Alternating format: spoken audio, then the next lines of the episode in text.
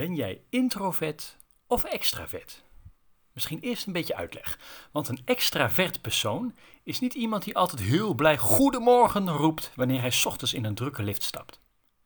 En een introvert persoon is ook niet altijd iemand die het slecht doet op feestjes en partijen. Sowieso is het vrij achterlijk om mensen op dit soort gronden in te delen, maar vooruit, we doen een poging. Introvert of extravert heeft vooral te maken met waar je je aan oplaadt, waar je energie van krijgt. Een introvert persoon krijgt dit van zichzelf, van tijd alleen, van rust en stilte. Een extravert persoon krijgt het juist van prikkels, van mensen om zich heen, van een mobiel die continu afgaat. Misschien toch goed om eens over na te denken.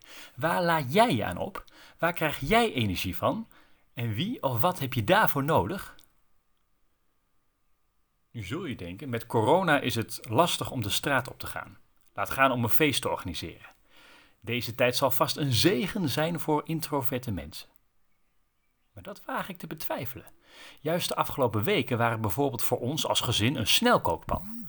Vrouw thuis, man thuis, kinderen thuis, thuiswerken, thuis leren, geen oppas, geen school, geen gang naar je werk, geen ontsnappen aan. Dan kun je feitelijk alleen een beetje opladen als iedereen naar bed is. Maar zie dat maar eens langdurig vol te houden. Maar goed, we zitten begin juni. De wereld begint weer een beetje normaal te worden. Scholen beginnen weer, kantoren gaan weer open en de terrassen stromen weer vol met mensen die smachten naar een biertje. De kans op besmetting is een stuk kleiner, want er zijn simpelweg minder mensen die besmet zijn. Misschien kun je al voorzichtig terugblikken. Hoe waren de afgelopen twee maanden? Wat heeft het je geleerd over jezelf? Waar heb jij aan opgeladen?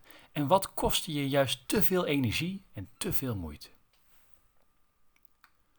Op de afgelopen digitale opwekkingsconferentie waarschuwde evangelist Otto de Bruyne er al voor. Dit soort wereldwijde pandemieën zullen nog vaker voorkomen. Het zij als virus, het zij als economische crisis, het zij als vluchtelingenstroom. Corona is nog maar het begin, zo vreest hij. En ik denk dat hij gelijk heeft. Zijn advies was om mens te worden. Wees wie je bent. Wees zoals je echt bent, met al je talenten en tekortkomingen. Laat ons mensen maken, zei God al in de Bijbel.